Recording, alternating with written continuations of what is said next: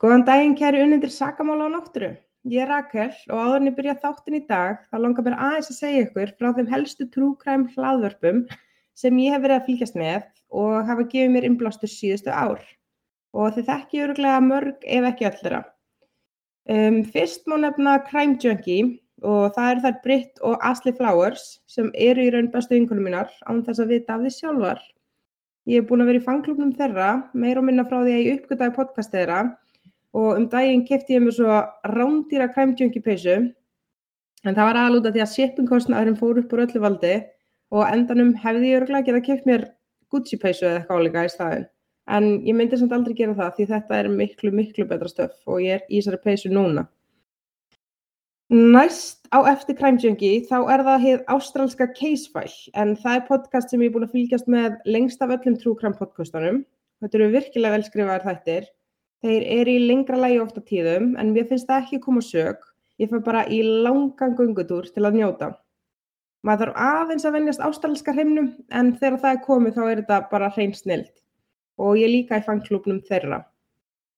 Í þriðja sæti hjá mér er það svo Canadian True Crime og ég kynntist þessu podcasti í raun og veru bara fyrir algjör að slistni þegar ég var í ykkur fíknikasti að googla fleiri glæpatengt podcast En þessir þættir eru frábælega velskrifaðir og eru líka í lengri kantinum sem ég fílaði kannski ekki alveg fyrst en ég ger það alveg heiklust núna. Um, þetta eru þau þrjú helstu en svo má líka nefna fleiri, ég er að hlusta fleiri podcast og ég hlusti raun og vera alveg mikið á þau, bara þessi þrjú eru uppáhaldi á mér. En þau sem ég hlusta líka á það eru Dateline, Anatomy of Murder og Park Predators. En Park Predators svipar svolítið því til þess sem að ég er að gera hér í þessu hlaðvarpi.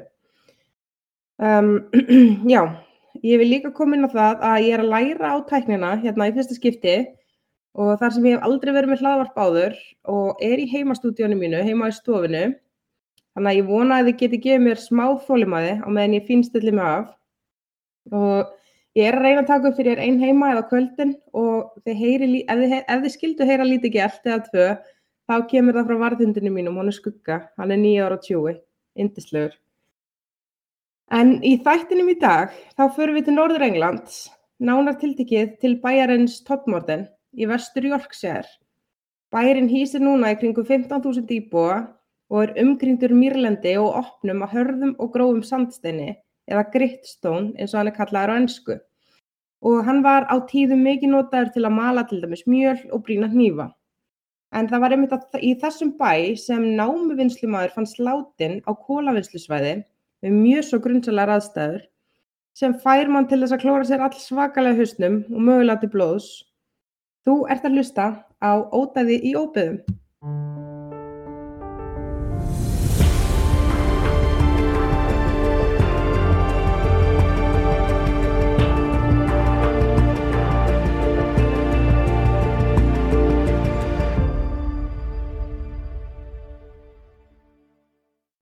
Það var seinnipart föstudagsins 7. júni 1980 sem hinn 56 ára gamli pólski námuvinnumadur Sigmund Jan Adamski helt gangandi af heimilu sínu í Tingley í hverfisbúðina sem staðsett var innan við 100 metra frá heimilu hans til að kaupa karteblur og aðra smáfurur eins og hann hafi gert margóft áður fyrir matabóð sem hann og kona hans hafði ætlað að halda um kvöldið. Veðri var gott og á leiðinni hitti hann nágranna sem spurði hann, hann hvort hann ætlaði á pöppinu eftir En Sigmund svaraði því neitandi. Nágranninn sagði að Sigmund hafi litið eðlilega út og það leiði vel á honum. En eftir ferðina í matabúðina þessu sinni þá snýr hann aldrei aftur tilbaka á lífi. Sigmund, sem dagstaglega var kallaður Siggi, var ekki vinamarkur en þó vel liðinn og hjælt sér venjulega til hlýjas. Hann átti sér enga þekta óvinni samkvæmt aðstandendum hans en kona hans, Lotti, var einnig pólskur innflytjandi og var hún á þessum tíma heimavinnandi vegna veikinda sem hún hafi lendi. Það að Siggi hafi ekki skilað sér heim var mjög ólíkt honum og fóru aðstandendur hans fljótlega óttast um afdrif hans. Siggi var sagður hafi verið í góðu andlu jafnvægi daginn sem hann kvarf og verið í verslunumferði líts með frænda sínum, Laska, sem var í heimsók frá Pólandi og hafi dvali hjá þeim undanfarnar tvo mánuði og myndi fara heim á næstu dögum. Afgreiðslumaðurinn í versluninni sem hann fór að versla kartöflurnar rétt áður en hann hvarf sagði hann hafi ekki síðan eitt grunnsalegt í fari Siggi, en kartablunar og smáverðnar sem hann keipti, þær fundust aldrei. Einnig átti hann að vera svaramaður í brúðköpu Guðdóttur sinnar sem var daginn eftir að hann hvarf og hann hafði hlakka mikið til og skrifa ræðu til að halda í veislunni. Aðfaranóttina 11. júni 1980 vaknaði ung par af værum svefni í bænum Toddmorden sem er í klukkustenda fjallægð frá heimabæ Siggi. Ástæða þess að pari vaknaði var að það heyrði grunnsali hljóð sem líktur stælst hávaru vassljóði sem virtist eiga uppröna sinn fyrir ofan húsið þeirra eins undarlega og það nú hljómar. Þau klættu sig og fóru út í svalanóttina og sáu að þykk þoka hefði myndast og hávaðin sem þau höfðu heyrt virtist vera að færast lengra og lengra í burtu. Áður en þau snýru inn komu þau auga á ljós sem flökti á himninum og færðist smám saman hærra og hærra upp í heiminin áður en það kvarf að lokum. Þessi atbyrður átti mögulega eftir að tengjast kvarfi Siggi á einn eða annan hátt þó enginn hafa á þessum tíma gert sig grein fyrir því. Setnipartin daginn eftir fekk lögreglumæðurinn Alan Godfrey símtall frá Trevor nokkrum Parker, starfsmanni og són eiganda kólavinnslunar Jóðvaf Parker í Toddmorden þar sem hann tjáði Allan að hann hafi fundið lík manns innan lokaðs kólavinnslusvæðis en líkið hafði ekki verið á svæðinu um morgunin þegar hann hafi lokið morguvaktinni og lokað svæðinu af áður en starfsmenn setnivakturina mættu, um á svæðið setnipartin. Því hafði enginn verið á svæðinu í cirka 5 tíma frá því hann fór fyrir hádegi og kom aftur setnipartin um kortur í fjögur. Hann hafði fyrstu tali manni verið að drukkin og einfallega sofandi á kólarhúðinni en áttaði sig svo á því að hann var í raun látin. Þetta var kaldur og blöytur miðugudagur og mætti Allan ásamt samstagsmanni sínum úr lauruglunni á svæðið klukkan tímindriðu fjögur. Þeim var vísa á líkið og var það staðsett ofan á fjögur og háls metra hárri kólarhúu sem engin auðvild leið var að klífa. Sjúkraflutningamennir sem höfðu mætt á undan lauruglunni tjáðu Allan og félaga hans að væntanlega væri hér um að ræða morð. Það næsta sem lögreglumaðurinn Allan þurfti að gera var að klífa kólarhúfuna til þess að skoða líkið og fundast að þess, en hann hafði ekki getað undirbúið sig undir það sem hann var að fara að sjá. Það sem fyrir augubar var vissulega lík Karlmanns, en ólíkt öllum öðrum líkum sem hann hafði séð áður við vinnu sína. Sá látni virtist vera aldrinum 50-60 ára og af svipnum að dæma var eins og hann hafði hreinlega dáið úr hræðslu. Augun voru opin og störðu út í tómið, munnurinn opinn rétt eins og hann hafði verið að öskra rétt fyrir andlátið og hárið hafði verið klift þannig að það var allt úfið og ójæmt. Maðurinn var í brúnum jakkafötum en skirtu og alla aukahluti vantaði, svo sem úr eða veski. Buksunar hans voru ekki nefta rétt og hann var í vesti sem hann var einnig klættur í vittlust. Ásamt því að skórnir hans voru ekki reymaðir. Aftan á höfuðkúpunni voru lítil för sem öll voru eins í laginu, hringlótt og virtust vera eftir annars stegs bruna og voru sögð vera hulin undarlegu smisli eða klístri sem við nánari skoðun var ekki hægt að bera kennsla á að vísindamönnum.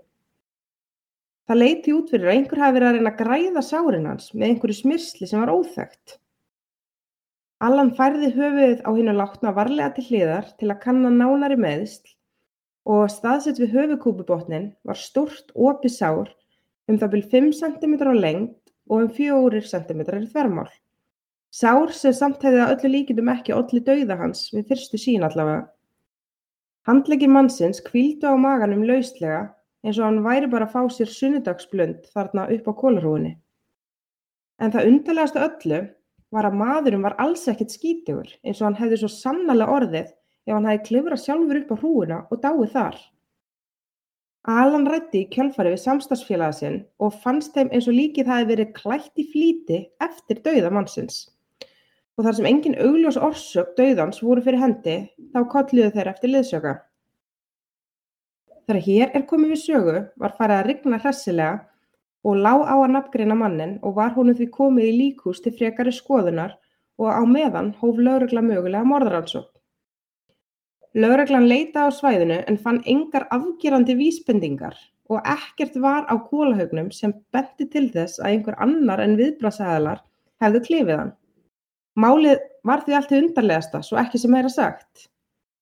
Það eina sem fannst sem möguleg vísbending voru dekkjaför sem eigandi svæðisins hjælt að kæmi ekki frá neinum ökutækja hans.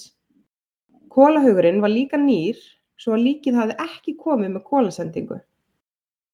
Krupning var framkvæmt í flýti og klukkan kortir yfir nýju sama kvöld komst meinafræðingur að þeirri niðurstöðu að karlmaðurinn hafi látist vegna hjartabeilunar og var einni með lúnaþembu.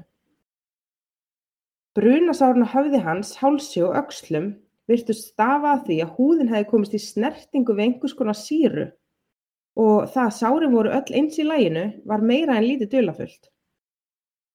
Tími andláts var talin vera 8 til 10 klukkustundum fyrir skoðun réttameinafræðings og því um klukkan 11.15 til 13.15 þann 11. júni sem var aðeins 3-4 klukkustundum áður en Trevor Parker, starfsmaður kolavinnslunnar, fann hann og enginn var á svæðinu. Eftir mikla rannsóknarvinnu fann lögregla loks út að fórnalambir var Sigmund Jan Adamski eða Siggi sem hafði þá við týndur í fimm daga. En spurningin var þá, hvar hafði hann haldið til allan tíman frá mannlætti sínu ef hann var á lífi allan þennan tíma? Viku eftir að þið fundu líkið á honum og þeir voru búinir að bera kennsl á hann þá fóru þeir til heimabæðir hans í Tingley. Að ferðast ánga frá líkmyndastanum tekur cirka klukkutíma með bíl og enn lengri tíma með lestinni en þetta er um 61 km leið. Þeir fundu loks konuna hans, Hanna Lotti, og tjáði hún þeim að hann hafi farið að heimilinu fimm dögum áður en lík hans fannst, í jakka og með veski sem innihjalt 20 pund en hvorugt fannst á honum. Hún sagði þau hamingjusöm, búin að vera gift frá 1951 og að Siggi hafi verið áræðilegu maður sem hefði alls engin tengsl í bæin sem hann hefði fundist í. Þráttur að vinna sjálfur á kólavinnslusvæði síðastlegin 27 ár hafði hann að hennar sögn aldrei unni þar sem hann fannst. Hann hafði einnig verið með meira og þykkara hár en þegar hann fannst sem staðfyrsti grunn lauruglumannsins Allan að hárið hafi verið klift rétt fyrir eða rétt eftir dauða hans. Fjölskyldan hans eyddi dögunum eftir hvarf hans í að leita að honum en hafði aldrei hugsað út í því að leita til Toddmorten þar sem eins og fyrr segir hann hafði engin tengsl í staðin og átti enga vini þar. Hann hefði reynilega aldrei komið ángað á, sögn Lotti, konunur hans. Hann var vissulega með hjartasjúkdóm en var almennt mjög hraustur maður og læknar sögðu honum að léttar æfingar og hreyfing eins og að ganga í búðina gerðu honum gott og hann fór venjulega að ráðum þeirra. Hann hafði meira að segja fengið leifi til að vinna þessa erfiðisvinnu sem kólavinnslumadur og því virtist sem hjartasjúkdómurinn tröflaði hans dag, dagstaglega líf bara reynlega ekki neitt. En þegar hér er komið við sögu fannst löguröglu ekki eins og Siggi hafi verið myrtur en heldur samt ekki að hann hafi látist á þeim stað sem hann fannst á. Þannig einhver eða eitthvað hefur komið honum þangað eftir andlatans sem réttarmeinafræðingurinn vildi meina að hafi orsakast af hjartaáfalli eða hjartabilun mögulega í kjölfarið af ofsahræðslu. En við hvað hann var svona hrættur var ekki vitað. Það hafa komið fram rosalega margar kenningar en dauða Siggi gegnum tíðina en svo langlífast það er án Eva Sú, setjum upp álpappurshattinn, að hann hafi verið drefin að gemverum. Já, þið heyrðu rétt, gemverum. Af hverju þar eiga að hafa drefið hann er ekki vitað en ef svo kenning er sönn hefur hann greinilega átt eitthvað sögótt við þær. Það er því sagt að þær hafi komið með hann til Toddmarten eftir að hafa drefið hann og skilið hann eftir á kólahauginum þegar enginn var þess var. Er svo kenning einni talin skýra af þeim sem á hann að trúa hljóðið sem unga parið hyrði nóttina áður en Siggi fannst sem ég sagði ykkur frá fyrir í þættinum. Aðrir hafa sagt að það hljóð hafi verið hljóði þyrrullu sem notu var við vinnu á háspennustrengjum á svæðinu og er mögulega skynsamlegri kenning. Það sem hins vegar hefur gefið geimverukenningunni byr undir báða vangi er meðal annars að hefði Siggi verið á kólahaugnum en starfsmenn kólavinnslunar bara ekki séð hann, sem var talið mjög ólíklegt, er nánast útilokað að hann hafi farið fram hjá farþegum lestastöðvar sem staðsett var ofan við vinslusvæðið og horðu farþegar niður á kólahaugin og þar með nánast útilokað að enginn hefði komið auga á hann til lengri tíma. Einnig var nánast útilokað að hann hefði getað komist þarna upp án þess að það sæist svo mikið sem einn blettur á fötunum hans og upprunni slímsinn sem fannst á sárum hans fannst aldrei. Aðrar kenningar sem fjalla hefur verið um að gætu tengst dauða Siggi eru til dæmis svo að hann hafi verið tengdur nazistum áður hann flutti frá Pólandi og verið drepinn eða hrættur til dauða fyrir þær sakir. Einnig hefur þeirri hugmyndur velt upp að hann hafi verið drepinn af sovjetískum sérsveitum KGB, nú eða orðið fyrir eldingu og orðið fyrir viki ringlaður og rugglaður og endaði upp á kólahögnum og dáið þar, sem hefði vantilega orðið til þess að fötin hans eru skítu og leiðin upp, eða hvað. En alltaf þegar nafninu hans er flett upp þá er geimverukenningin alltaf lang fyrirferðamest. Má skýra það að hluta til vegna þess hversu margar geimverukenningar hafa verið í kringum bæinn sem Siggi fannst látin í og vegna þess hversu grunnsalögu dauði hans var. Fyrir meira en áratug síðan skoðuðu tveir breskir geimveru rannseikundur málið upp á nýtt.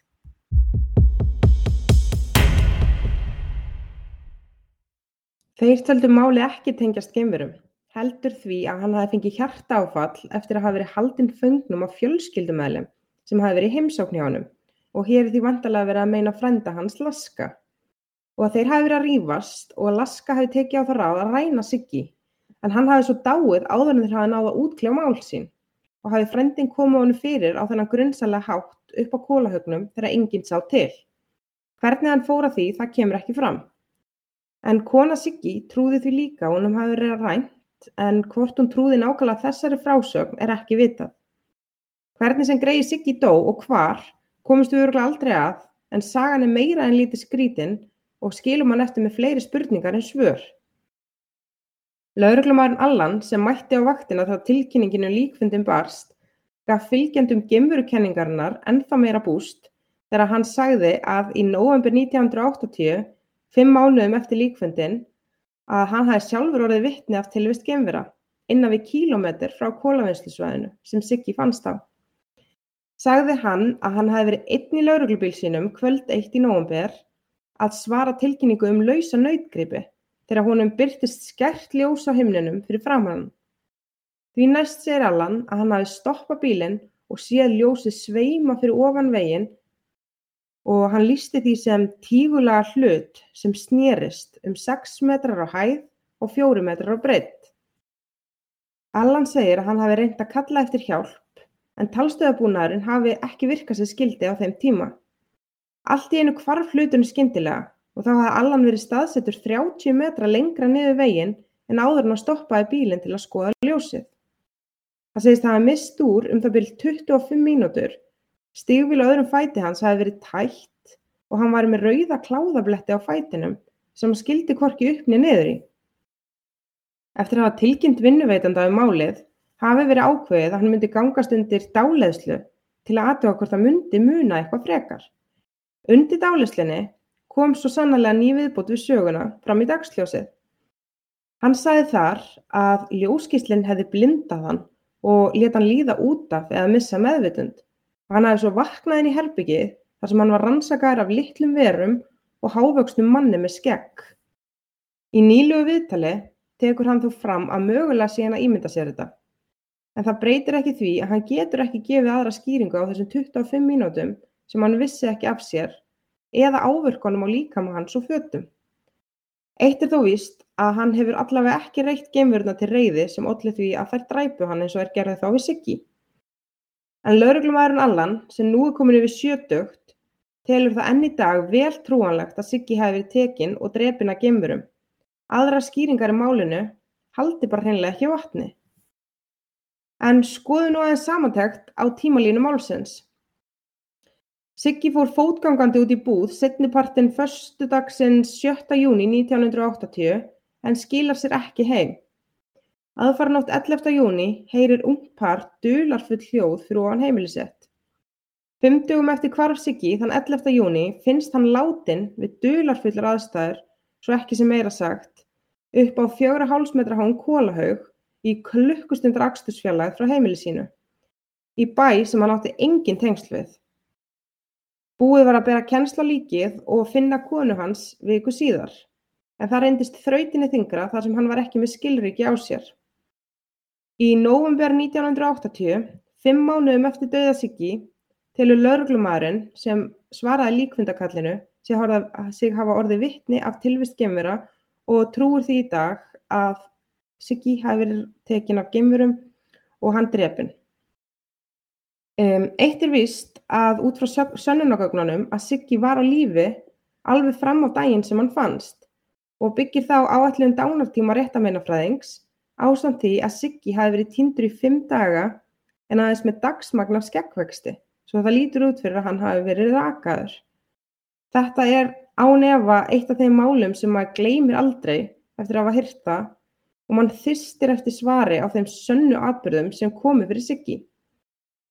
Annað sem ég verð að benda á og heyrði við rannsókn mína á þessu máli er að nafnið Toddmorden, bærin sem að Siggi fannst í, það hljómar rosalega ókveikjandi því á þýsku þá þýðir bæjarheitir einfallega dauðamorðið. Ekkert sérlega hugulegt nafn. En takk fyrir að hlusta og næsti þáttur kemur út eftir tvær vikur. Fanga til, hann er gott. Bless.